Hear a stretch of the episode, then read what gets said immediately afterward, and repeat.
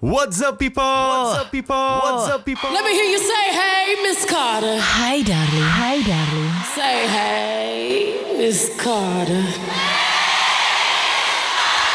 Give me some. You are listening to podcast Can You See Mine with Feti Fatima.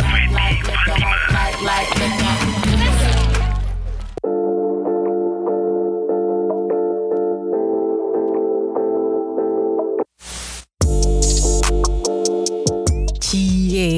punya bumper in baru. Terima kasih Dodo Harahap sebagai eh, DJ mixing bumper in. Ntar ada bumper outnya juga loh dari Dodo Harahap juga yang bikin gue yang mau, gue yang milih lagunya sesuai apa yang istri mau lah pokoknya. Jadi suami mengiyakan aja gitu kan ya. apa kabar nih kalian semuanya? Huh, sudah 1 Juli hari ini gue take podcast voice gue. Hmm, harusnya tuh kita ada Les Mills Quarterly Workshop quarter kedua tuh di British School Jakarta di Bintaro. Karena pandemi, covid, nggak jadi deh. Ya, sedih sih padahal body jamnya tuh yang 93 tuh enak banget. Udah denger kan podcast gue tuh yang kemarin yang Soka? Wah, itu parah sih. Gue dapat feedback dari pendengar podcast gue tuh bilang, wah Mbak Feti lagunya asli gitu. Iya iya gue setuju setuju banget. Sayang sekali harus ditiadakan quarterly workshopnya. Ya insya Allah quarter ketiga atau quarter keempat ya. Yang penting semuanya pada sehat-sehat dulu. Oh ya buat pendengar podcast Kan Yusima yang pertama kali dengerin podcast ini, gue sengaja bikin podcast ini tujuannya untuk connect dan bisa berkomunikasi dengan instructor, terutama Les Mills instructor kepada member-member Body Jam, juga teman-teman yang menginspirasikan kehidupannya atau pekerjaannya, terutama di masa pandemi ini. Tetapi gue masih pengen connect kepada lo semuanya, sehingga nggak putus nih apa yang terjadi dengan Feti Fatimah pada saat pandemi ini. Yes, gue masih body jam, gue masih sebagai trainer. Ya, pelan-pelan untuk beralih ke digital content. Gue berusaha untuk tetap berkomunikasi, tetap connect kepada lo semuanya, sehingga mungkin akan merasa lebih dekat dengan Feti Fatimah dengan mendengar podcast ini jadi lebih intim gitu. Kecanggihan uh, digital seperti Anchor FM ini tuh gue gunain untuk interview narsum-narsum gue yang udah pernah gue publish di podcast episode kemarin. Dan itu uh, sangat membantu kalau gue nggak bisa interview face to face jadi gue pakai aplikasi Anchor FM tersebut. Wah tuh keren banget tuh. Kali ini gue pengen kangen-kangenan sama temen baik gue. Namanya Aldi Jacob. Biasanya tuh dipanggilnya AJ. Siapa itu Aldi Jacob? Secara detail, dia sebenarnya seorang dancer. Dia juga instructor di Gold's Gym, trainer Les Mills, uh, dance partner gue. Udah lama banget bekerja di dunia group fitness industry ini. Ya, profesional, um, banyak banget follower-followernya dia tuh untuk tetap connect sama AJ gitu. Gue sangat senang sekali bisa sharing, bisa ngobrol sama dia karena ini membuat lo tuh jadi tahu tuh AJ orangnya seperti apa? Dan ternyata dia sudah punya channel YouTube dengan Alvin Fitness enggak rumit. Gitu ya J namanya. Um, AJ sama gue tuh punya persamaan dalam pandemi ini bahwa kita pengen tetap connect tetap komunikasi dengan para instruktur terutama member-member sehingga kita masih bisa berkarya kita masih bisa memberikan apa yang kita cintai dalam pekerjaan kita ini kita buat dalam digital content kita langsung dengerin obrolan gue sama EJ ya. Skui!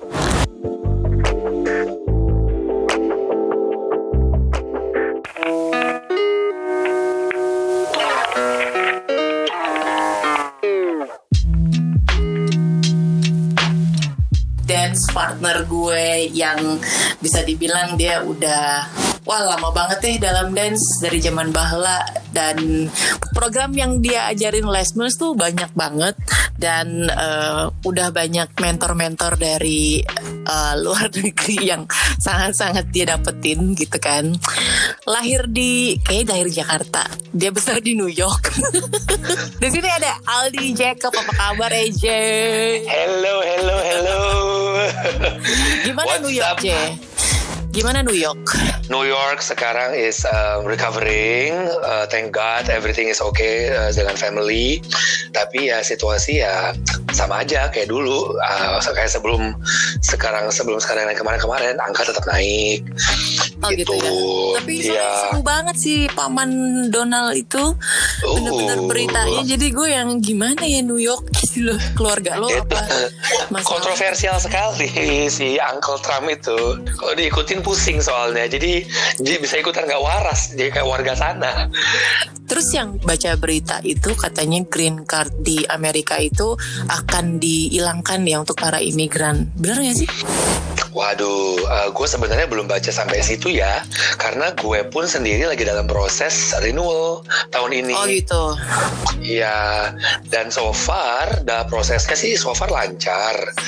Ini ini aja sebelum kita podcasting ini nih, baru aja gue dapat email reply dari sana. Heeh.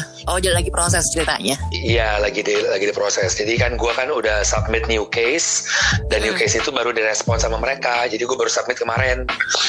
Tuh, nah, langsung direspon sama mereka. Harusnya sih nggak masalah ya. Kan lu udah lama bukan punya green card itu? Yes, uh, gue udah green card, udah permanent resident sebutannya dari sana juga itu semenjak 2010. Nah, oh, sekarang lama, oi. jadi semenjak uh, jadi kan green card itu kan batasnya uh, 10 tahun ya untuk di renew. Nah, pas banget nih 2020 bulan Oktober adalah uh, deadline gue. Eh, renew itu bukan yang lo bilang dua tahun apa setahun gitu yang lo harus balik lagi? Kalau uh, setahun sekali itu kayak ibaratnya kayak gue masih absen gitu loh. Oke. Jadi kalau misalnya gue balik uh, lebih dari setahun ke sana, green card gue tuh udah nggak berlaku statusnya sebagai permanent resident. Udah tuh harus hilang dari nol lagi gitu ceritanya. Hilang, hilang. Jadi ibaratnya angus gitu. Terus yang lo renewal ini adalah kartu. Yang gue renewal, yang gue renewal ini adalah status gue. Kartu itu kan Oh. uh, yang melambangkan status. Nah kemarin itu yang gue sempet uh, nggak ke sana setahun itu gue udah apply re-entry namanya. Nyari entry ini Iya. permit kalau misalnya kita ada misalnya ada urusan lah di luar US, jadi kita nggak bisa ke sana dalam setahun gitu. Dan kita baru bisa ke sana setahun lebih dari setahun kemudian baru pakai re-entry. Gitu. ada ini ya dong. Covid ini berarti ada dispensasinya dong berarti. Eh, semestinya ada ya. Gua belum uh, double check lagi dengan apa namanya uh, embassy sini. Apakah gue bisa uh, apa namanya a- a- a- sejenis apa pun itulah kompensasinya belum gue tahu. Tapi yang gue udah cari tahu adalah mengenai flights gitu. Oh gitu. Iya, ada flights eh, nggak semuanya buka, tapi ada ya satu dua air airlines lah yang tujuannya ke US gitu. Not necessarily New York, tapi sampailah ke tanah paman Sam ya kan. Iya iya iya. Emang, ke emang sana. tahun ini lu mau ke sana atau gimana? Tahun ini gue harus ke sana, Fed. Oh. Gue harus. Justru kalau misalnya kan emang ibaratnya kan setiap tahun tuh is emas. Jadi Hmm. Tahun itu is emas eh, untuk apa namanya ibaratnya kayak cekin lah. Oh ini Iya. orang ada nih, Iya. ada nih step step kakinya dia ke US nih ke tanah US. Mm-mm. Nah di sana itu kok bebas mau berapa lama gitu loh. Karena lu udah punya PR anyway. Yes, jadi gue nggak butuh visa untuk ke sana, jadi gue tinggal beli tiket. Nah di sana itu bebas mau ke mau berapa lama. Tapi kan at the same time mengingat kita ada kerjaan di sini ya kan. Ta- tapi juga eh, cari batas yang pas karena kita nggak mau trip kita terlalu pendek di sana karena kan satu dua hari itu udah kemakan jet lag gitu loh. Iya, dari belum tripnya. perjalanan ya. Betul. Eh, perjalanan balik ke sini. eh, ngomongin pekerjaan, gimana? Masih bertahan berapa kelas? Berapa kelas sih seminggu? Aduh. This is a real struggle for all of us ya. oh ya, of course in the world. everywhere. Aduh, uh, shout out untuk semua kaum kaum pejuang instruktur fitness dan senam di sana. Per pandemik, Iya, per April ya April karena Maret kan udah, April udah sebelum mulai kan, puasa ya. Heeh, iya. ya April sebelum puasa atau pas puasa mulai itu kita udah mulai online kelas dan gua dapet jatah seminggu itu ada tiga Oke, Gitu. terus? seminggu tiga. Terus ongoing aja sampai sekarang. Kadang-kadang kan ada yang minta eh, apa namanya di di di cover lah ibaratnya. Online ada yang nggak bisa. Jadi ya gue baru dapat satu kali dua kali cover gitu. Tapi sisanya eh, ya udah gitu aja. Tiga is the is the quota per Maximum. week. Ya, Oh, jadi em, kalau di Gold Gym, eh kalau di podcast gue aja boleh ngomong apa aja aja, bebas. apa-apa oke, oh, oke baik. Berani oke ya. Kim, Baik. All out. kan lo tahu kan gue juga bebas. gue seneng banget kayak gini malah. gue lihat tuh yang lo ada eh, live streaming kelas dan segala macam gitu. Ah yes. Itu emang lo dijatahin atau gimana sih? Dari Sebenarnya kita sebenarnya kita nggak menjatahkan ya kita eh, kita nggak dijatahin sorry kita nggak ada kuota sorry tadi gue salah sebut Eh, maksud gue kuota tadi adalah kuota gue sendiri sebagai instruktur jatah gue eh, seminggu itu dapetnya tiga tapi sebenarnya Oh. kalau mau lebih boleh Bisa. karena kan ya karena kan di awal itu kan ada instruktur eh, beberapa yang eh, segan atau nggak mau untuk mengajar karena mereka nggak mau keluar kan Iya, lebih betul. concern ke safety gitu jadi kita ambil aja selama kita bisa memberikan service kepada member-member kita yang masih member gitu membership masih Iya. jalan Oh, tapi di satu sisi kita juga nggak enak ya kalau mau ngambil kelas kayak kebanyakan gitu Iya sih ada lagi keadaan kayak Gitu. begini kayaknya nggak terlalu maruk aja. Tapi emang Iya. membership membershipnya Gold Gym nggak di freeze atau gimana? sebenarnya uh, bulan pertama itu kita nggak ada automatic freeze member itu harus mengajukan freeze sebelumnya Oh, kalau kalau mereka mau uh, status mereka di atau membership mereka di freeze nah itu mereka udah dapat email Hmm. nah tapi kalau per Mei per Mei itu udah jalan automatic freeze oke.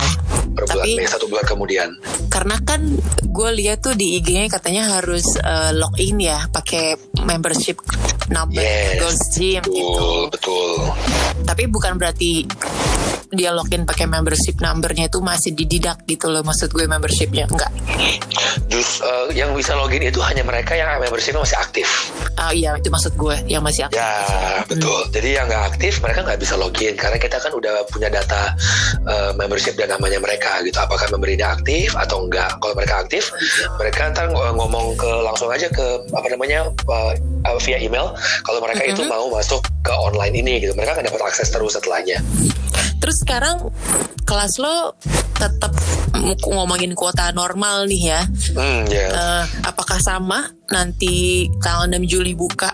Eh, insya Allah kalau gubernurnya ketok palu gitu kan? Alhamdulillah ya. Atau atau gimana kuota kelas lo? Jauh berkurang sih, Fed. Jauh Setengah. berkurang, tapi iya, tapi uh, not even setengah ya lebih bahkan. Gitu, Tiga per empat? karena Apa eh, tiga per Seperempat? Nggak, hampir hampir nyampe setengah, hampir nyampe setengah. Oh oke, Ya sepertiga lah, sepertiga, ya ya ya. Sepertiga. Tapi eh, karena kan kita kan mengingat eh, pas klub buka itu kan eh, nggak semua member aktif ya. Mm-mm, Iya. dan kita nggak bisa jalanin semua kelas gitu loh dan plus setiap kelas itu kan kita harus ada prosedur masing-masing jadi nggak bisa buka banyak kelas gitu per setiap klub Oh gue penasaran lo kalau Gold Gym nih nanti kalau buka Hmm. em, lo membernya pakai gimana dijat dikuotain dalam satu hari hanya boleh berapa yang check in gitu atau gimana sih? Nah ini masih belum ketahuan nih dari kemarin kan kita udah lagi mempersiapkan nih kalau amin ya amin Iya. per Juli udah buka lagi disiap-siapin Ah. tapi untuk untuk i- apa namanya ke yang ke arah ke membership itu dilimat atau enggak eh, belum tahu sih kita nggak bisa kasih kasih jawaban karena kita juga melihat kapasitas locker kapasitas eh, jarak yang bisa mereka dapetin di dalam gym kan kita harus distancing juga ya satu member ke yang lain Mm-mm, Nah, iya, it- untuk polisi itu kita masih belum tahu, belum keluar untuk members. Terus kemarin yang di Grand Metropolitan Bekasi, Nah, udah ke sana yang- kan? Tuh gimana? Ya betul. Yang kemarin di Grand Mat itu mem- nggak nggak semua member aktif, belum banyak member yang aktif. Jadi pas gue nyampe sana emang kelas full, full capacity. Tapi full capacity itu setelah eh, di, apa namanya mereka daftar. Jadi daftarnya itu full ya udah di dalam kelas segitu. Tapi Mereka tetap Ya. daftar nih. Yes, mereka tetap daftar. Oh, I see. Jadi let's say kemarin itu body combat yang gue ikut misalnya nih angkanya uh, maksimum partisipan adalah 15 orang. Uh-uh. Gitu, dan 15 orang ini harus uh, absen sebelumnya gitu sebelum kelas mulai. Nah nanti Oh. orang-orang ini akan diabsenin sebelum kelas jalan. Ada nggak orang-orang yang daftar nih? Mhm. Nah, nggak boleh nggak bisa tekin, nggak bisa ditekin kan? Iya. Nah udah, nah kalau udah 15 ini ada, mereka present, kita tinggal jalan. Tapi sebelum jalan ya protokol semua jalanin.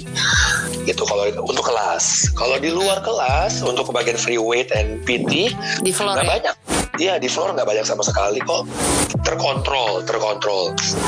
Makanya gue penasaran banget karena kan ya di KL udah buka gitu sih. Yes. baru aja buka dan gue liat mereka bikin video-video kayak istilahnya em, apa ya simulasi lah gimana lo Seru masuk ya. itu maksud gue that's really nice that's what we we, we need to know untuk itu dan new normal Yes. gym tuh kayak gitu gitu dan tapi gue liat Exactly. di Ghost Gym Bekasi tuh bagus sih bikinnya. I mean um, jelas gitu loh dia dari masuknya, Iya. loker-lokernya, terus gym free weight dan segala macam kelas-kelasnya gue lihat juga gitu. Jadi ya gue wonder aja tanggal 6 Juli tetep gue tetap 6 Juli loh gue gue nggak berubah karena yang gue baca di tempo tempo.com tuh katanya 6 Juli tapi gue nggak tahu anyway jadi ya berharap tetap Juli sih gitu loh untuk itu Enam, ya, enam Juli itu untuk gym dan kayak Bioskop. namanya refle- bioskop, tempat-tempat spa, salon gitu, refleksi gitu ya. Mm-mm. So, apakah dengan kuota lu yang bisa dibilang hampir setengah menghilang, lo bikin YouTube akun sama Alvin? Yes, betul.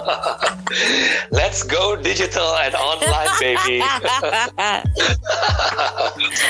Aduh, sebenarnya makanya gue cerita sebenarnya alasan gue bikin podcast sebenarnya I don't know whether is it gonna be can be monetized money or not with the podcast tapi buat gue itu gue masih pengen banget untuk eh, kerja gitu loh J dalam Yeah, artian it feels good ya, it feels good. Iya, right? gue gue masih ngomong ngomongin body jam, gue ngomong buat para instruktur gimana cara gue belajar body jam 93 kemarin gitu. Hmm. Itu gue masih gue pengen connect sama mereka gitu loh dan menurut gue em, sayang aja sih nggak ada yang bikin gitu loh. Maksud gue secara secara les meals, um, I don't know uh, trainer atau di di dunia ini agent itu nggak ada yang bikin untuk tetap secara podcast ya, bukan secara webinar dan segala. Kita kan punya Iya, webinar iya, tuh, iya. tapi Uh. secara secara kita ngomong yang cuman menanya how are you going gitu with this pandemic Hmm. itu dan menurut gue makanya gue bikin podcast dan ya at least gue udah bisa bertahan hampir dua bulan setengah lah gue rutin seminggu sekali gitu loh Hmm, that's good actually karena apa yang lo apa yang lo bilang itu exactly what we did, exactly apa yang kita lakukan. Uh, pertanyaannya emang selalu ada di kepala tuh apakah ini bisa mengcover ya kan? ya Tapi at the same time uh, uh, mulai aja lah dulu, mulai dulu. Toh sama kayak lu juga uh, kita memulai sesuatu yang sebelumnya nggak ada di field ini gitu ya kan? Exactly. kayak lu kayak lu, lu podcast. Nah gue nih, gue, gue sama Alvin melihat sama ada beberapa orang ngomong juga nggak ada nih kayak instruktur atau orang-orang yang ibaratnya workout uh, yang kita bisa kasih ke mereka tapi dalam bahasa gitu, tapi dimasukin ke dalam YouTube gitu. Nah ditambah kita bisa ber- melakukan ini berdua gitu ya kan? ya So I was like, okay, why not? Let's do it. Tapi we have to try first. Nah, um, di satu sisi Alvin itu sangat-sangat uh, mendorong sekali orangnya. Mm-mm, Kayak positif lah ya Ya, dia tuh rajin dan dia tuh selalu menjadi my number one reminder gitu loh. Do this, do this, do this gitu. Dan gue, uh, karena kan gue nggak kayak begitu orangnya ya. jadi, jadi working with him, it it it gives a big dynamic for me gitu. Jadi gue selalu in the edge of my seat, gue harus melakukan ini, ini, ini. Nah begitu, nah, at least itu melakukan sesuatu yang kita suka, walaupun ya hopefully one day it's gonna come back gitu ya buat kita ya, Fat ya. Semoga Yoi. Dalam bentuk return ya. you never know You never know exactly. Yang penting ya kita lakukan halal. betul dan itu gue setuju yang lo bilang mulai aja dulu gitu kan Tokopedia itu ya atau apa sih Oh iya, pede banget. atau Gojek sih gue lupa Tokopedia Tokped, Tokped, Tokped Tokped. ya Iya. ya itu itu sama sama banget waktu Dodo maksa gue asli maksa banget DJ gue tuh dipaksa sepaksa-paksanya untuk bergerak bikin podcast gitu. Gue risih gitu bawel banget gitu. Cuman along the way ternyata sama lah kayak kita pengen bikin mod eh, kita mau ngadain modul deh maksudnya mau mau ada workshop gitu yang kita harus preparing yang kita harus uh, scripting yang kita harus bikin materi baru harus kayak gimana gitu. Mungkin ya beda jauh kalau mempersiapkan YouTube konten lo gitu. Nah itu Yeah. sesuatu yang menurut gue kan kita kan lebih ke edukasi aja ya gitu. Exactly, Um, kita melakukan berkarya ya nggak sih? Hidup ini kan Yes. berkarya kalaupun memang ada duitnya ya alhamdulillah uh, Alhamdulillah, ada returnnya ya sudah gitu. At- tapi at least kan kita masih pengen berkarya masih pengen sharing bisa um, connect sama semua yang udah follower lu ikut di kelas gitu. Hmm. itu itu juga salah satu cara gue dan gue pikir udahlah di visual gue udah banyak banget gitu lo tinggal youtubein gue aja gitu. Nah suara gue ini yang belum gitu kan. Yang yang suara gue yang menurut gue uh, I don't know maybe I I change their mindset and then uh, theater of mind mereka akan lebih mengawang-awang gitu kalau gue ngomong. Kali gitu gue nggak tahu. Seriously. Tapi lu jarang dengar suara lu sendiri ngomong ya bang. jarang sih gue nggak nggak nggak nggak yang terhadap suara gue tuh enggak lah gitu. Kan beda dong kalau suara lu ngajar Ah, sama suara lo lagi ngomong gitu kan. Kan kan pasti beda gitu. Dan Beda, know, beda. it's it's not kayak kayak bikin video aja. Kalau gue bikin video body jam gue nggak pernah nonton lagi abis itu. Oh man, man, Gua man, nggak- man. sama kayak gitu. Cuman setelah setelah gue eh, bertanya sama orang-orang makanya lo ngasih gue feedback juga podcast gue gitu. Dodo juga ngasih Hmm. teman-teman gue ngasih. Dan gue pikir ya lo harus mereview setiap video yang udah lo publish. Eh video eh, podcast yang lo udah publish gitu Exactly, betul. kalau lo gimana Gue, gue juga sama kayak lu, Fat. Gue pertama kali gue denger suara gue, men, suara gue kenapa gelap begini ya? Kayak iya gelap dark terus kayak kadang-kadang sounds like a drag queen gitu ya kan. Wah, tapi tapi and then gue juga nggak mau pertama kali gue ngeliat eh, yang pas kita filming di Shanghai itu Heeh. hasilnya tuh gue juga nggak mau melihat gitu loh. Kayak gue tutup tutup kuping buka buka kuping tutup mata buka mata gitu kan. Tapi dipaksa tonton dipaksa tonton akhirnya. Dan ya di situ gue bisa melihat seperti kayak instruktur-instruktur yang lain gimana kita bisa menganalisa diri sendiri ya kan? Tapi kan udah jadi final product gitu loh. Oh Nah, iya. bisa melihat itu itu memberanikan diri gue untuk eh, melihat video-video berikutnya. Ditambah eh, kita harus bikin konten digital dalam bentuk video which is YouTube yang bisa orang-orang tonton gitu. Mm-mm. nah yang gue nggak mau adalah eh, mereka itu nonton hal yang gue belum tonton dan gue approve. Nah itu gue nggak mau ah oke. Gitu. Jadi ketika mereka tahu sesuatu yang gue nggak tahu it feels like a failure aja gitu to me. Kayak kenapa gue bisa lihat bikin itu nyelip ya kan? Nah iya. jadi gue kayak man gue harus nonton nih. Suka nggak suka gue harus nonton. Oh, by the way kan mungkin kalau pendengar podcast gue nggak tahu nih Aldi Jacob tuh siapa. Guys, Aldi Jacob tuh adalah presenter Les Mills, uh, trainer untuk Les Mills Asia Pacific di Les Mills Stone. Sama satu lagi, Shebam. Hai guys AJ adalah salah satu dance partner selain Wina Natasha yang udah pernah gue podcastin juga bulan kemarin. yes pertama kan ya kalau nggak salah ya pertama ya Uh, narasumber pertama kali di podcast gue tuh Wina. nah itu dia si Wina bener gue lihat nih namanya nih. Ya jadi AJ kemarin nggak kemarin dua tahun lalu bareng gue ke Shanghai untuk live uh, filming ya di Asia pertama kali dan AJ Yes. repre- represent Les Millstone am I right? Ya kan? Yes true. Jadi kita in the same industry we are living breathe in fitness industry. Gak berasa ya udah lewat satu uh, lewat satu apa ya bukan? One dek- decade. ya decade decade ya benar. Dan ini adalah salah satu profesi yang bisa dibilang apa ya nol pendapatan di pandemik very challenging times Iya, kan masih banyak kayak MC wedding, terus masih banyak juga penyanyi-penyanyi, terus apalagi itu yang pemain film itu kan juga nol pendapatan kan Jay Iya, gimana cara mereka ya? Maksudnya kayak kayak ada satu uh, satu orang yang gue kenal juga, tapi ya maksudnya dia dapat pendapatannya mungkin dari semacam endorsement. Iya bisa Nah itu banyak, tapi kayak ya kayak yang lain-lainnya kalau yang nggak dapet ya kayak kita lah ibaratnya gimana gitu ya kan kasihan juga. Mm-mm. dan ya sesuatu yang challenging. Tapi kalau kita ngeliat sisi positifnya kayak lo sama gue akhirnya melihat yang jadi malah kreatif. Malah jadi ngeliatnya oke we are living in a 4.0 era. Jadi lo mau nggak mau harus lo harus adapting harus bisa slick ke Ya. situasi itu gitu loh. Ya nggak sih? Bener. Eh, Sebenarnya kita ngelakuin ini bukan buat eh, apa namanya, buat buat kita makan sehari-hari ya, Fed ya. ya exactly. Bukan bukan begitu ya tapi kayak lo bilang kita harus terus berkarya dalam bentuk apa pun itu. And doing this kalau benar-benar kita cinta di sini and we don't mind gitu loh. Iya betul. Karena bisa dibilang tuh kayak sesuatu hal karena kita emang mulai juga kayak begini kan sih awal-awal kita mulai iya. belajar. Kita mah nggak kita mah kita mah hanya spending apa yang kita dapat ya. Iya, kalaupun memang uh, berlangsung lama waktu akhirnya kita menjadi mahal gitu kan contohnya. Iya. Itu kan emang karena pengalaman dan waktu yang kita emang selalu Betul. dikasih feedback, ya nggak sih? betul that's right quality comes over time ya kan Uh, agak filosofis ya. Waduh Tapi feedback uh, uh, YouTube channel lo fitness nggak rumit ya?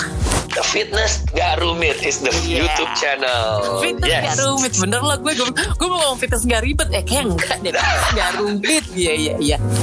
Karena fitness nggak nggak fitness nggak ribet, fitness nggak penting loh. Kok nggak penting? Fitness Nggak rumit guys. Fitness itu penting loh, penting. Iya. So Yang bikin kita masih sampai ini. Any feedback gitu dari para follower subscribernya? eh so far, so far mereka karena eh, sebelum kita ke feedback itu kan Ah. kita target audience kita adalah the the people who cannot or never join the the gym world gitu ibaratnya Eh, orang-orang yang apa namanya awam sekali orang-orang yang nggak pernah eh, sebenarnya mereka terekspos dengan gym hanya sesa dari kayak telepon marketing gitu atau teman-teman yang nge-gym. Tapi mereka sendiri kayak aduh gue gak ada waktu nih dan gue nggak bisa ke sana gitu. Gue nggak mau ke, ke tempat yang rame. Seperti itu. Nah kita bikin home workout buat mereka. Jadi kayak jadi sangat-sangat apa ya hmm, doable doable uh, levelnya untuk orang-orang ini lakukan gitu. Nah tapi uh, feedback kadang-kadang yang ikut itu kan uh, member ya yang kenal kita gitu. Jadi kadang-kadang buat mereka aduh eh, kok ini eh, mudah ya gitu.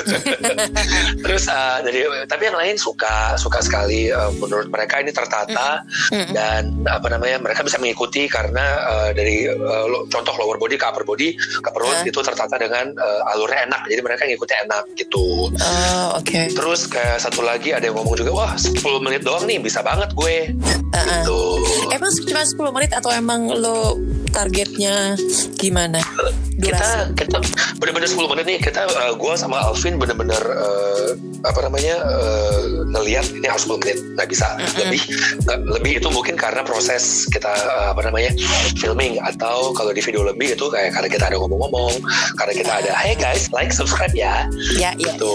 Nah gitu-gitu doang. Tapi sisanya kontennya harus stick to what we promise them. Gitu. Kita nggak mau propaganda ibaratnya gitu kan. So it's a home workout ya. Yes, it's a home workout, but you can do anywhere you want gitu. Karena kita benar-benar pure body weight. Yang satunya lagi yang apa namanya jenis yang satu lagi itu kita hanya pakai uh, water bottle Iya. Begitu.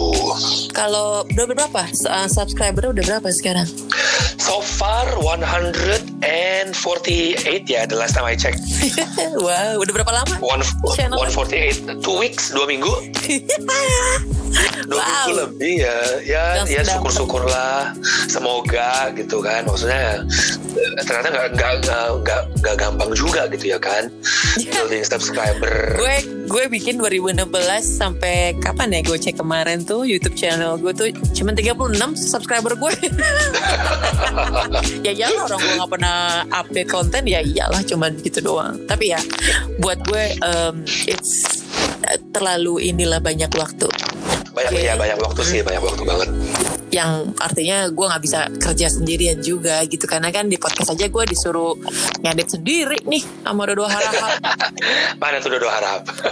dia kan sibuk banget apa namanya ya siaran dia ada VO ada dia sekarang lagi ngerjain buku itu eh, kerjain audiobook cuy oh nice. Iya, jadi ya bisa dibilang setiap hari dia harus ngerjain harus eh, audiobook itu dia memerankan beberapa karakter di satu buku gitu kan. Eh, buku itu tuh 500 halaman. Oh that's interesting. Berarti dia kayak mainin suara gitu dong. Ya kayak itu aja kayak book yang di Apple. Iya iya iya iya. Ya, Audiobook gitu. ya. Ah, jadi dia mau memainkan semua karakternya dan itu 500 halaman. Gue lebih Jeng, seneng jeng, dengar jeng. audiobook sih. Gue lebih dengar, gue lebih seneng dengar audiobook uh, compare to reading a book gitu. Males ya? Eh, kadang males and it's a really hard habit ya kan gue itu mendapatkan uh, membaca gue tuh membaca buku pertama kali itu paling lama itu pas kemarin gue pulang di pesawat Karena lo gak ngapa-ngapain. exactly itu gue, oh damn gue baca setengah buku gitu ini, ini rekor sih di hidup gue Tapi sama lo kayak gue baca itu emang gue nggak betah. Tapi ternyata ketika gue denger podcast berjam-jam, gue Yes. multitasking sambil ngapain dan gue malah bisa merubah theater of mind gue lebih tajam.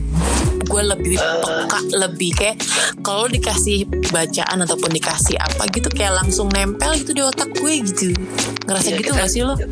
kita kayaknya the, kita kayaknya tipe learner yang kedua nih ya kalau kita ngomongin audiobook ya Iya, heeh, dan nggak tahu kayak seneng aja didinabobokan, dibacain, didongengin gitu kita istilahnya. untuk audio learner uh, you guys must uh, apa namanya do the audiobook more Iya. kalau dengar audiobook uh, maupun lo lagi multitasking tapi kuping lo tetap denger gitu dan Itu dia. ma- uh, make sense gitu make sense di kepala lo saat itu juga apa yang lagi diomongin Sampai ketimbang gue baca Jeff, buku sampai di kadang-kadang gue kalau kalau dapat rilis baru nih mau workshop gitu kan. Buat nah, buat gue tuh gue lagi lagi dengerin apa ya em, misalnya lagu Body Jam gitu kan. Terus eh, itu paling diajak- enak didengar emang lagu body jam tuh. Di, diajakin ngobrol apa segala macam gitu. Nah gue itu harus bisa kan sambil ngapalin koreo kan ceritanya. Ketika Yes. gue ngapalin koreo dan gue bisa ngobrol dan gue hafal koreo itu berarti gue udah hafal banget nih koreo. Gitu. yes. Itu gue apa kayak begitu. Jadi kalau misalnya dong ngajak ngobrol apa segala macam gitu kan. Terus gue dengerin ini ngobrol aja terus sampai mana ya gitu ya. Oh udah nih apalin. Udah berarti gue udah hafal gitu. Hmm. sampai segitunya kan ternyata kayak lo kayak multitasking antara indera pendengar lu dengan mata dengan mulut gitu loh bersamaan.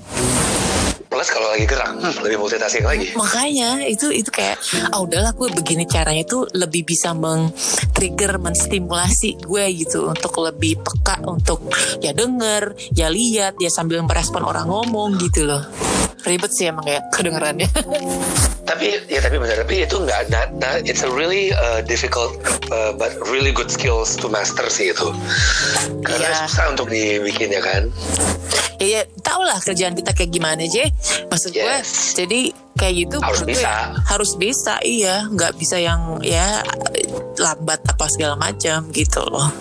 So next um, konten di YouTube apa nih? Kebetulan nih kita mau ngerekam kita mau rekaman lagi besok. Kita mau filming besok. Sheila filming. Film Aduh. Ya besok kita mau filming lagi untuk edisi kesekian Tuh biasa siang ya Gitu. kalau syutingnya ya tergantung sih sepas PSBB kita bisa pagi terus karena kan nggak nggak rame ya Heeh. Nah semenjak PSBB selesai atau diangkat, eh, wah ramai sekali tuh GBK. Kita kan rekamannya di GBK. suara ya Iya, tapi em, kita selalu we manage to find places di situ yang benar-benar sepi. Nah kalau udah ketemu tempat, jamnya itu nggak masalah. Ini kita bisa kalau misalnya hari-hari weekend very early, uh, eh sorry, not really early karena paling early itu sangat-sangat rame. Mm-mm. Jadi kita harus cari jam-jam yang di atas mereka udah pulang gitu.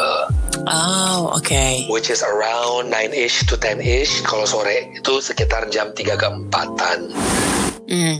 Lo udah jalan-jalan ke mall belum sih? Udah ke makan di Ke mall. restoran gitu? udah udah actually um, just uh, gue tuh baru ke PS tapi itu Oh, pun iya. PPPS terus Gandaria Heeh. and then today today ini baru ke Sensi nih tiga mall ini nah gue gue cuman ke mall ini cuman hanya makan and then pulang cus Oke. gitu hanya makan tapi kita uh, kita nggak jalan-jalan sama sekali karena gue nggak pengen jalan-jalan dan so so so many people there and I don't wanna risk. Really? Di sensi? Uh, tadi sensi lumayan. Enggak rame sih di atas nggak rame ya. Di Uh-uh. bawah-bawah gue lihat oh sudah mulai ini nih sudah mulai you know Berantakan berkumpul udah mulai udah mulai berkumpul. Tapi ya even di even di PS juga nggak begitu di gadget nggak begitu gitu. Mungkin di hari-hari lain di hari-hari lain mungkin nggak gitu rame ya. Cuman kan kita kan nggak exploring mall. Jadi kita Iya. hanya exploring satu tempat itu aja gitu. Nah tempat yang kita makan itu trafficnya sangat rendah Hmm, oke. gitu dan masuk mall juga oke kok prosedurnya Lo daftar gitu gak sih? kemarin ke PS nggak daftar hanya temperature uh, shot Serius? sama ya sama dengan sensi Kak gue ke Kelapa Gading weekend kemarin tau nggak? Lo mesti daftar lo. nah Ya. yang daftar ini gue yang digansit Oh gitu. nah ya tapi di MKG ya gue setahu gue tuh daftar via QR Iya, kita tuh daftar dulu. eh, pokoknya em, sign up dulu deh, nama apa segala macam. Nanti ada barcode-nya, lalala, cek tubuh gitu. Yes yes yes Gua bagus sebenarnya kayak gitu sih bagus Iya, makanya gue suka aja kalau emang mall terapinnya protokol kayak gitu ribet kan jadinya kan. Tapi hmm bener demi demi kesehatan dan orang jadinya lu kalau nggak ada perlu-perlu banget lu nggak akan effortnya kayak gitu gitu maksudnya. Iya lu nggak usah lah gitu kalau nggak perlu tapi kalau lu perlu ya tolong ikutin lah gitu karena rame kan Mm-mm. Nah, kemarin gue ke oh ya satu lagi gue ke Bekasi nah ke Bekasi Oh iya iya gue liat tuh. Hmm? paling paling meticulous ketimbang tiga mall yang tadi gue sebutin karena. Ya uh, which is gue suka ya karena dia pertama itu ditembak dulu terus kalau lu udah ditembak uh, lu udah sesuai uh, prosedur dan lu oke buat masuk mall lu tuh ditempelin stiker di badan di baju lo. Ah. ditempelin stiker ya jadi kalau orang ini ter, orang ini udah uh, apa namanya lulus protokol memasuki uh, mall mall ini gitu. Jadi orang kalau ada security yang lihat mereka bisa mereka tahu dengan tanda itu stiker itu. Rame gak sih? Oh enggak, enggak sama sekali. Itu jam peak hour pula. Starbucks pun kosong Oh, oh oke. gitu. Ramenya Padahal- di luarnya, jalanan rame. Padahal Bekasi loh. Iya jalanan sih Iya. emang. Jalanan rame, mall nggak rame. Gym gym as we go on ke jam-jam malam, ke jam 6, ke jam 7, ke jam 8 itu sedikit-sedikit rame Hmm. gitu. Tapi mall tutup jam 7. Iya jam 7 apa jam 8 gitu ya tutupnya ya. Ya, yes. Mereka tutup sangat cepat. Terus kalau di New York J ada nggak Hmm. berita-berita gitu dari keluarga, dari nyokap, dari adik lo? Uh, to be honest, uh, at at the moment gue belum dapat update lagi. Mm-mm. Update gue yang terakhir itu sekitar uh, dua minggu lalu. Um, nggak tahu ya mau apa enggak. Itu kan pas lagi uh, riot-riot lagi kejadian ya. Heeh, iya. Nah untuk nyokap bokap gue itu kan bukan orang tipe yang ke mall tuh. Jadi mereka mereka nggak pernah mereka nggak pernah ke mall. Sangat uh, adik gue dia itu juga uh, jam kerjanya nggak gitu banyak sama kayak bokap. Nah Hmm. awal-awal mereka tuh overtime karena banyak orang yang nggak mau Oh. kerja. Oh oke. Nah, mereka jatuhnya di jam esensial gitu kerja mereka. Jadi kadang-kadang nggak cuma mereka kerja, tapi mereka juga harus mengcover orang-orang yang nggak kerja, gitu loh. Hmm. Jadi mereka mendapatkan extra hour. Nah itu gue agak worry karena gue takut mereka sakit gitu ya kan. Nah tapi semakin ke sini ternyata eh, produksi production itu menurun. Ya jam, dengan production menurun, mereka pun juga jam kerjanya menurun. Nah, Berkurang, jadi makin ya. banyak. Ya instead of going to the mall, adik gue lebih banyak eh, di luar gitu. Jadi lebih banyak jogging, Hmm. lebih banyak outdoor ketimbang indoor. Kalau indoor hanya di rumah aja sama ke supermarket. Udah. Mungkin maksud gue apa emang karena pikirannya orang Indo kali ya nggak bisa gitu ngeliat kalau ada coveran gitu gue aja yang ngambil gitu kali apa deh lo Eh tapi ya, tapi ya orang-orang sana cinta banget sama orang Indo loh. ya lo pernah bilang sama gue makanya apakah Iya. memang kita eh, mentalnya bekerja gitu sampai udah sini gue kerjain gitu kan kayak gitu ya ya Yes, ada coveran exactly. gitu. Exactly, mereka itu cinta orang Indo eh, dari yang apa namanya adik gue ceritain sama bokap gue omongin ya pengalaman mereka sama teman-teman gue yang lain karena et, eh, work ethic kita tuh tinggi. Mm-mm. Nah, oh, bos-bos sana tuh suka sama kita karena disuruh apa mau, disuruh apa mau gitu ya kan. Iya iya. Bukan babu ya, bukan babu, tapi kan uh, Pengen aja ya, kerja ngerjain kan. Iya gitu. Nah dengan dengan dengan dapat jam kerja yang banyak kan mereka juga dapat bonus, banyak promosi gitu. Begitu. Terus kan nyokap bokap di rumah ya tinggalnya ya. Yes. Lu sekarang di apartemen. Apartemen.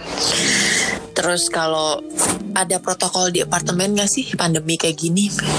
Iya ada. Lift Kemarin misalnya itu- lu nggak boleh pencet apa gitu Oh. Oh kalau eh, kalau di list ini mah sama ya. Kita nggak ada yang tombol dengan injek kaki itu maunya sih ada ya. Mm-mm. Tapi kagak ada. Nah itu untuk lift tetap pencet gitu. Nah gue biasanya pencetnya pakai kunci mobil aja lah. Nggak mau gue sentuh itu. Seriusan? Iya udah kunci mobil aja. kan banyak banget yang pencet lift, pencet lift. Makanya. Nah, tapi kunci mobil itu kan barang-barang kan kayak, aduh gue kalau masuk kamar ada ritualnya deh. Iya iya. iya. Oke. Gitu. Nah, itu kayak about 10 menit ritual menyemprot-semprot eh, barang-barang itu. Nah, ya apa namanya protokol yang lain tuh kayak ya biasa di lift ditanda-tandain. Mm-mm. Gym sama kolam renang ditutup. Oh, I see. Masih ditutup, masih ditutup, masih ditutup. Sampai sekarang? eh, sampai sekarang. Oh, Even now, even now. Tapi eh, sofa-sofa nih kan tadi kan dicabut-cabut ini sofa nggak boleh pada duduk-duduk di lounge. ah. Nah sekarang udah ada sofanya, and baru pula. oh diganti kayaknya ya. Yes, brand new sofa. Nah sekarang banyak orang-orang yang nangkring di situ, tapi masih jaga jarak. Diusir-usirin nggak? Eh, enggak, enggak, enggak. kamar gitu. Oh, coy. Kayaknya satpam yang takut sama itunya. iya iya. Salah. Kalau Parkiran juga oke. terus menurut lo apakah sebaiknya di apartemen apa di kosan? Kalau udah begini. Gimana ya? Eh, dari sisi mana nih? Dari sisi mana nih? Uh, apa ah. kosan nih?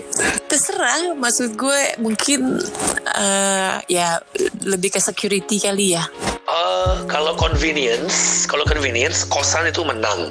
Kalau menurut gue, karena kan gue pernah tinggal di kosan. Iya. Makanan cepat, eh, lantai nggak tinggi-tinggi banget, ya kan. Yoi. Terus eh, apa namanya, mau turun lift gampang. Ka- Karena gue sini eh, lantai gue lumayan tinggi, gitu. Gue tiga tiga lantai dari atas nih, mentok. Seriusan loh. Iya, iya. Paling atas tuh 29, gue 27. Ah, wah. Nah, oke. eh, kalau udah sampai bawah, ada yang ketinggalan PR nih. iya, iya, iya. Nah, sedangkan kalau di kos enggak gitu. Eh, cuman eh, biayanya lebih enak di apartemen, terus lebih secure. Eh, Masa kalau soal, kalau kalau Biaya? menurut gue sih, kalau kalau menurut gue sih, eh, ya Eh, karena biaya ya. Kosan kan sekarang mahal ya. Iya sih emang. Kosan sekarang mahal sekali gitu. Lu dapat satu juta, ya oke lah maksud gue kita nggak ngomongin yang sorry, kita nggak ngomongin yang kayak eh, dua juta ke bawah gitu. Mm-mm. kayak misalnya yang bisa gue compare sama apartemen adalah yang kayak yang kayak mungkin yang kayak punya gue sebelumnya atau sedikit di bawahnya gitu. Nah kalau gue ini kan bayarnya kan listrik, maintenance, parkir.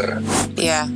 Eh, itu pas gue calculate uh, every month it's a lot cheaper than my apa than my uh, previous cost gitu. Hanya emang enam bulan sekali, enam bulan sekali itu ada biaya yang agak besar untuk membayar setengah tahun gitu biasanya. Tapi udah Oh, per bulan oke. enggak. Terus di bawah itu convenient sekali banyak kios makanan yang murah-murah dan mereka bisa antar ke atas jadi gue nggak harus ngambil ke bawah Oh, oke. gitu. Parkir juga bayar kan ya? Parkir bayar per bulan uh, bayar per bulan tapi so much cheaper ketimbang lu parkir bayar per hari Iya pasti ya sih buat itu. so much cheaper ya dan apa namanya lu dapat jatah satu mobil satu motor nggak bisa dua mobil kalau di sini Hmm, gitu. juga orang-orang juga ngantar makanan mereka juga tahu protokol gitu mereka kalau nggak mau di sa- kasih sampaikan tinggalin aja depan pintu kalau ada orangnya Iya, iya bener. Gitu jadi masih jalan protokolnya enak sih Pokoknya lebih ini ya, ya lebih security-nya lebih enak kalau di situ apartemen. Iya, ya ada ada plus min- minusnya lah. Gue hanya mencari convenience-nya aja dan sisi plusnya. Kalau yang lain mah ya udahlah ya, gue tutup mata aja lah. Tapi itu apartemennya full nggak sih? Gue full, full ya. wah full. Eh, untung ya cuma dua tower loh. Kalau banyak sih gue pusing sih. Oh lo cuma dua tower ya? Cuma dua tower, tower selatan dan utara. That's it. Nah lo ngajar di Bekasi hari apa? eh, standar eh, biasanya gue reguler itu Rabu malam. Nah, ke- ke- tapi kelas gue lagi ditiadakan untuk sementara dengan ke jadwal apa namanya jadwal kelas per minggu itu kan dipotong kapasitasnya Iya. dari full kelas hanya jalan beberapa doang. Nah, gue termasuk salah satu kelas yang dipotong. Huh, huh, sedih. Jadi kalau tapi ya ngomongin udahlah ya. ngomongin angka nih, kelas Eh. berapa sih se seminggu di- jadi berkurang jadi berapa lah sekarang gitu? Gue ngajar seminggu itu 13. Eh sorry 14. Mm-mm. Sekarang cuma 5. Setelah ini ya mau kita persiapan ya mau Ya, buka new normal gitu. Yes, dengan dengan gym nanti buka, eh, kalau buka kelas yang jalan 5. Tapi ntar pas kelas itu jalan pun online kelas masih jalan gitu. Itu harus loh online class tetap harus jalan kan menurut gue. Masih jalan. Ya, untungnya sih masih jalan. Jadi kita masih bisa memprovide. Dan at least gue masih bisa ngajar lah di jam-jam Ya. itu. Mm-mm. Dan masih bisa ngerjain YouTube lah gitu kan. Yes, that's right, bener. Eh, Jadi nggak terlalu banyak kelas untuk bikin capek, you know, bikin konten. Mhm. Oke, wow. Gue Tuh. apa namanya ngelihat lu punya konten YouTube gitu ya menurut gue em, ada sih beberapa kayak teman-teman kita Mas Toto punya loh J Oh ya? Mas Toto iya dia Oh, da- wow. dari tahun lalu tuh dia ada gitu sendirian tapi dia ya Oh, kayaknya gue harus lihat kalau gitu. lo harus lihat deh dan dia tuh lucu nama-namanya lucu banget nama-nama eh, apa nama gerakannya gitu itu lucu-lucu banget deh dan gue mau duduk ketawa-ketawa dan ngeliatin apa namanya nama itunya terus kan maksudnya emang lucu ya orangnya ya Oh, jadi lucu banget dia tuh. Baik Ya. banget dia itu. iya dan dia uh, banyak yang komen uh, subscriber lumayan gitu maksud gue. Itu uh, legend lah dia lah pokoknya lah. Legend sekali sampai sekarang lo masih lo dia tuh. gue nggak nyangka seorang Mas Toto tuh pindah ke digital J. Itu yang gue nggak nyangka. Oh iya banget banget. Respect kan tuh dia him udah udah umur kan tapi dia masih mau ngerjain digital. Ya oke lah ada yang bantuin ada tim. Tapi kan untuk terjun ke digital seorang Yes. Mas Toto bener, yang udah legend bener. banget tuh kan. Aduh ilah gitu kan banyak. Rata-rata orang segitu, ya rata-rata orang yang segitu udah nggak ogah ya. Iya. Iya. jadi makanya maksud gue kan kita kalau ngomongin skill gitu loh J. Lu boleh berpuluh-puluh tahun tapi untuk sekarang di era 4.0 kalau lu nggak mau ke digital lo akan nol jadinya gitu. Bener, bener. skill lo dan skill lo dan pengalaman lo jadi kayaknya nggak berguna karena lo nggak mau shifting ke digital Yes, itu benar, itu benar. Gue juga mikir, eh, maksudnya ini juga buat kita yang mau stay di sini, tapi kita harus berinovasi terus, gitu ya kan. gue tuh juga, gue juga mikir begitu, instead of eh, kayak misalnya lari ke bidang lain gitu. Bukannya, bukannya, bukannya buat gue itu salah, tapi eh, gue nggak merasa gue akan memberikan 100% hati gue gitu. Kalau Iya. gue ke ke bidang lain, you know, you Iya. feel that too, right? Mm-mm, iya bener. Terus kayak it's just not something for me. And maybe gua kalaupun gue melakukan itu hanya akan bertahan. Berapa sih? Berapa lama? Itu dan dan mungkin tujuannya ya ada tujuan ya gue nggak ngerti orang-orang beda-beda gitu mungkin tujuannya pengen eh, uang kali gitu kan atau Ya. mungkin untuk idealis atau mungkin apa pun Kesempatan tujuannya mungkin. Uh-uh, cuman maksud gue ya kan kayaknya kalau kita kayak orang yang ya di grup fitness gini kan suka ya nggak sih Jay? Bukan suka Suka. lagi udah cinta udah cinta Iya terus terus lu enak aja gitu ngerjainnya ya orang-orang mungkin boleh ngomong ya lu idealis karena lu ngerasa itu suka oleh sih nggak ada duitnya ya terlepas tidak ada duitnya ada duitnya atau enggak tapi kalau lu melakukan sesuatu yang lo suka itu dan berguna bagi orang lain yes. dan lo akan di di spreading positif gitu ya kenapa enggak ya sih? Ya aku ya gue sangat-sangat setuju dengan itu. Iya, agree makanya. agree banget. Makanya Eh, dan kalau kerja kerjanya tuh nggak nggak nggak setengah-setengah nggak terpaksa. Mm-mm. Dan em, lu bisa berinovasi terus gitu loh kreatif lah ya Iya, lu kan stay stay kreatif karena eh, lu nggak lu nggak merasa itu adalah sesuatu yang harus lu lakukan ya. Well, at least for me gitu, for me. Mm-mm. For you mungkin juga sama sama orang-orang yang lain juga. Ya kayak contohnya Mas Toto lah. Respect sih Iya. buat dia. Makanya gue tuh pas gue bilang sama Dodo Dia add gue di Facebook kan. Eh Eh. ya Mas Toto nih gitu kan. Udah Wah ternyata dia punya channel Youtube nih gitu. Dari Maret tahun lalu gue inget banget gue bilang sama Dodo kan Eh Mas Toto ada Youtube channel. Udah di, dibuka lah sama Dodo ketawa-ketawa. Wah Mas Toto. Beneran. Karena gue harus lihat kalau gitu gue harus lihat. Kan dia kan anak, anak didiknya Mas Toto dulu kan. Jadi Eh, bener-bener yang gimana gitu. Nggak dan gue jujur gue respect sama dia. Karena itu yang kita setuju umur Mas Toto masih mau shifting ke digital. Berarti kan emang Yes. pengalaman dia tuh kan berguna di zaman apa pun kan gitu kan jadinya kan? Bener di- nggak nggak apa namanya dia mau ngikutin zaman. Iya itu. There's never too late you know? Iya banyak banget orang-orang yang pinter, orang-orang yang eh, pengalamannya banyak. Tapi kalau emang lu nggak mau shifting, lu nggak mau eh, mengikuti zaman, ya sama aja. Lu di situ aja jalan lu gitu maksud gue. iya bener Eh, niatnya sih ya Fet ya niat itu penting sekali loh Iya benar. lu mau jalanin atau enggak gitu tapi butuh pendorong juga terus kayak ya begitulah Eh tapi kita mungkin salah satu yang beruntung. Lo ada Alvin yang jadi reminder lo. Gue ada Hmm. Dodo yang memang dipaksa banget gitu. Terus Hmm, kalau yes. ada nih temen-temen ataupun orang-orang yang pengen memulai eh, kayak kita gitu bikin konten, tapi nggak ada yang mensupport, nggak ada yang mendorong, nggak ada yang mencoba untuk eh, ya menjorok-jorokin lah supaya ayo Hmm. mulai aja dulu gitu. Iya. Menurut lo cara pertama tuh apa? Mesti gimana gitu? Kalau em, kalau kayak yang bisa gue relate adalah eh, kayak kemarin itu coba jalanin dulu eh, buat aja dulu kayak buat aja mocking video terus nonton aja gitu. Eh, pantes nggak? Lu suka nggak? Ini nggak yang lu mau hasilnya buat nanti orang lihat gitu. Ke- tapi kalau lu suka oke gitu. Dan kita kan nggak butuh kayak gue nih gue sama Alvin kita kan nggak kita nggak ada tangan-tangan profesional gitu. Semua yang kita hasilin itu ya benar-benar dari tangan kita sendiri gitu. Hmm. Nah, yang, yang kedua, yang kedua adalah em, kita bisa tanya mereka yang udah bikin konten duluan. Iya bener. Betul. Explore Tanya. ya. Yes, tanya mereka gimana sih caranya gini gini atau enggak lu mau nggak temenin gue sehari lah bikin ini.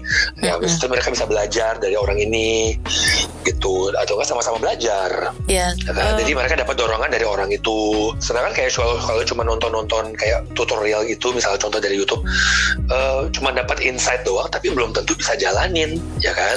Ya, iya, yang penting ya mulai aja dulu kerjain dulu yang penting ya. Iya, iya bener. Tuh kayak kemarin ada juga uh, member gue yang sebelum gue mulai, Hah? mereka dia tuh kasih gue insight banget nih mengenai pasar di Indo tuh seberapa besar.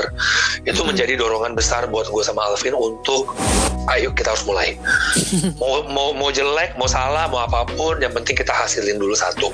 sih kayak kayak ini kan kayak lu ngajar ya gak sih Bener. kayak lu ngajar yang ya udah lu, lu baru lulus kemarin lu harus lu harus ngajar gitu. Terserah Iya, itu kayak salah kayak tea, Iya. kayak tea, Fat, bener Fat. Iya kan? Sama gitu. Makanya pas gue ngeliat waktu Dodo bikin uh, bikin podcast terus dia siaran radio dia bisa scripting dulu terus gue pikir kok kayak gue mau modul ya kok kayak gue pengen ada AMT gue pengen Very workshop. similar ya. Iya, jadi gue ngeliatnya ini kayak gue bisa dia ngerjain gitu. Kalau emang persiapannya masih bisa gue kejar gitu loh, J. Kecuali Benar. emang persiapannya dia nggak bisa gue sama sekali gue nggak kejar, ya udah gue harus memilih yang lain gitu. Kayak pas lo tadi bilang, ya mulai aja dulu untuk ini gitu. Tapi memang inisiatif tuh emang susah ya. Susah sekali. Apalagi kalau nggak ada yang support.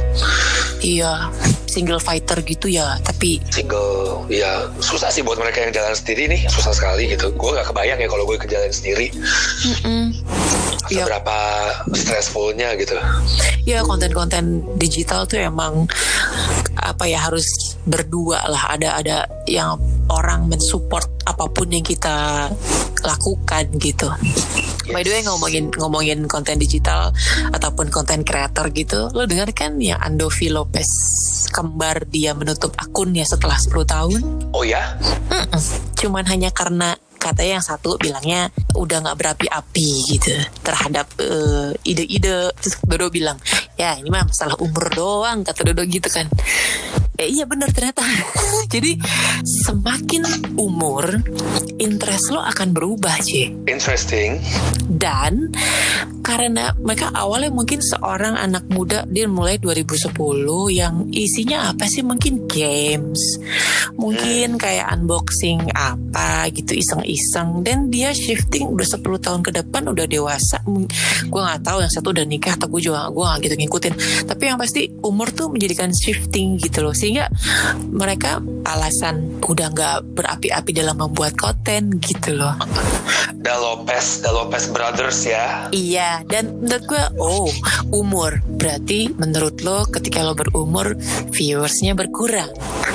Dan mereka beralasan banyak orang TV yang ke YouTube gitu. Hmm. Terus gue yang kalau gue udah 10 tahun di body jam, gue pengen pamit gitu, bikin video pamit gitu sudah. kan enggak ya.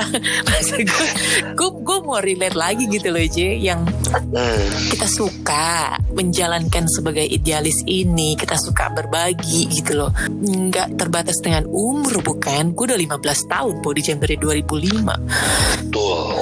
itu maksud gue alasannya gitu Gue, kan gue sebenarnya nggak eh, dari kalau kalau dari gue ya, gue nggak setuju dengan umur itu mendefinisikan kita sih. Iya makanya Ya, ya nggak sih, ya nggak sih. Heeh, karena kita kan melakukan kita nih yang kita lakukan sekarang kan bukan karena viewers kan bukan Yes. karena ngelihat dari itu ya bukan kan we just inspire Hmm. people to move gitu kan Hmm. dan The more the more people see atau hear, mm-mm, eh, makin bagus ya kan. Iya, nah kalau si si Lopez brother ini kayak yang, aduh udah nih kita udah umur nih kayak udah nggak ini lagi gitu kan. Gitu itu itu menurutku yang, ah oh gitu. Kalau digital content kreator kayak gitu emang ya harus berdasarkan cuan gitu. Cuannya harus viewersnya harus target ininya harus apa apa harus viral nih bang harus segitu. Maksud Oh, sulit ya kalau begitu ya. Makanya. Ya ya itu mungkin alasan. Tapi kita nggak tahu mungkin itu juga salah satu strategi dia yang akan nanti datang lagi. Hai kami kembali. Kan nggak tahu ya. Lebih heboh. iya lebih heboh gitu. Nggak tahu gitu loh. Semoga kita nggak kita nggak kayak begitu ya. jangan ya. Kita kan kan kita kan sudah terbukti kan, sudah terbukti kita tuh masih iya, bisa iya itu. di atas satu dekade ya kan. maksud gue gitu. Maksud gue gitu sih dengan yang ada gitu kan. Yang kita udah jumpa litan ke mana-kemana gitu. Maksud gue ya as long as we are breathing di dalam our industry ini dan kita masih bisa melakukan ya why not? Ya akan ada sih pensiunnya ya nggak sih? Tapi kan kita ya this is maybe the a solution. Probably we don't know. Uh, lo bikin konten YouTube gue bikin podcast yang sampai kapan pun sampai umur berapapun masih bisa menginspirasi Pasti bisa orang. ada, bener ya. Gitu Karena kita nggak bisa kita nggak bisa gerak selamanya, tapi kita bisa menjadi kreatif terus. wow percakapan yang sangat faedah Nggak berasa loh. ya iyalah gue udah lama gak ketemu lama- udah lama gak ngobrol sama lo pula ini udah So much fun. gue eh, sekarang PR gue adalah gimana mengedit ini Aduh, sampai kayak semuanya mau dipakai. banget mungkin entah gue bikin dua dua episode apa gimana. Well, let, let's see anyway gitu. Jadi gue makasih banget J ada di Oh, sama-sama. podcast gue ya gue gue merasa bahwa emang inilah this is how I connect to my to my dearest friend gitu kan untuk ngobrol di podcast gue dan ya terutama di pandemi ini deh gitu. Salah satu-satu tuh gue gue ajakin collab gitu kan dari mulai Wina, Oki, Kenny, lo sekarang gitu. Dan pengen pengen banget berkomunikasi gitu. Untuk ngobrol yang gimana sih dunia fitness sekarang aduh yang satunya masak yang satunya bikin konten YouTube yang satunya ngobrol sendirian di podcast gitu kan seru bukan Ini seru sih, Fan. Kayak gini seru sih. iya Kayak ngomong tapi nggak berasa lagi rekaman gitu. Iya makanya jadi ya tadinya emang kan rencana gue pengen nyamperin lu gitu tapi Dodo bilang takutnya masih dalam keadaan kayak gini ya, was-wasnya ada kan gitu Pastilah. Dan ternyata sebagai uh, penyiar radio gitu dia menemukan aplikasi yang bisa untuk podcast kayak live interview gitu Ini keren loh, ini si anchor-anchor ini. iya makanya udah langsung gue di invite aja waktu Wina belum gue belum tahu tuh Tapi pas kemarin Kenny sama Oki udah pakai Anchor untuk ngobrol kayak Hmm. begini dan ternyata uh, pas gue edit, wow outputnya bagus banget gitu daripada Oh ya? daripada lo kirim voice note di WA. Ini lebih Oh bagus. iyalah jauh lah. Iya, Kayaknya gue denger lo jelas sekali nih. ya gitu. Ya, ya. Tante Thank you salam- loh. Sama-sama salam buat Alvin ya. Gue Yes. apa namanya sangat appreciate kalian. Uh, gue appreciate lah, respect sama orang-orang yang udah shifting ke digital. Yang penting kita mulai dulu ya, bener kan? Yang penting kita jalan dulu. Mau jelek mah bodo amat mah bisa improve. Iya kata Dodo gini, jangan-jangan Eji mau mulai juga nih podcastnya. Kata dia. Terus gue bilang gak apa-apa lah, bagus malah. Maksudnya karena eh, setelah gue mulai podcast ini ya, gue kan pengen gitu collab sama Ade Rai gitu J misalnya. Hmm, ya. sama Melanie Putria gitu kan. Tapi ternyata kalau kita mau collab ya mintanya baik-baik dan kalau memang gak rese gitu ya mereka mau tau sih diajak Tapi mereka yang gitu-gitu, mereka yang gitu-gitu, eh, mereka nggak nggak dibayar atau gimana sih? Ya, Kalau yang udah punya nama gitu, yang punya punya nama. Ya memang tergantung linknya lo juga sih, connectionnya lo juga. Tetapi Hmm, ngelobinya ya. Uh-uh, tapi kalau memang misalnya bisa untuk nge-reach-nya gitu, kenapa enggak? Misalnya nih, gue ada ide gitu. Misalnya lo bisa uh, minta workout dari Diana Mills di Les Mills uh, Tone misalnya. Hmm. Terus lo bikin di YouTube lo bukan ngikutin gaya tapi emang lo terinspirasi dari Diana Mills dengan Les Mills tone-nya gitu. Sama kayak Gandalf ketika dia ngambil koreografinya Paris Goebel terinspirasi. Kayak gitu menurut gue. Bisa aja sih, bisa. Dan hmm, gue juga dapet ini dari dari karena gue ikut webinar podcast dan segala macam kan.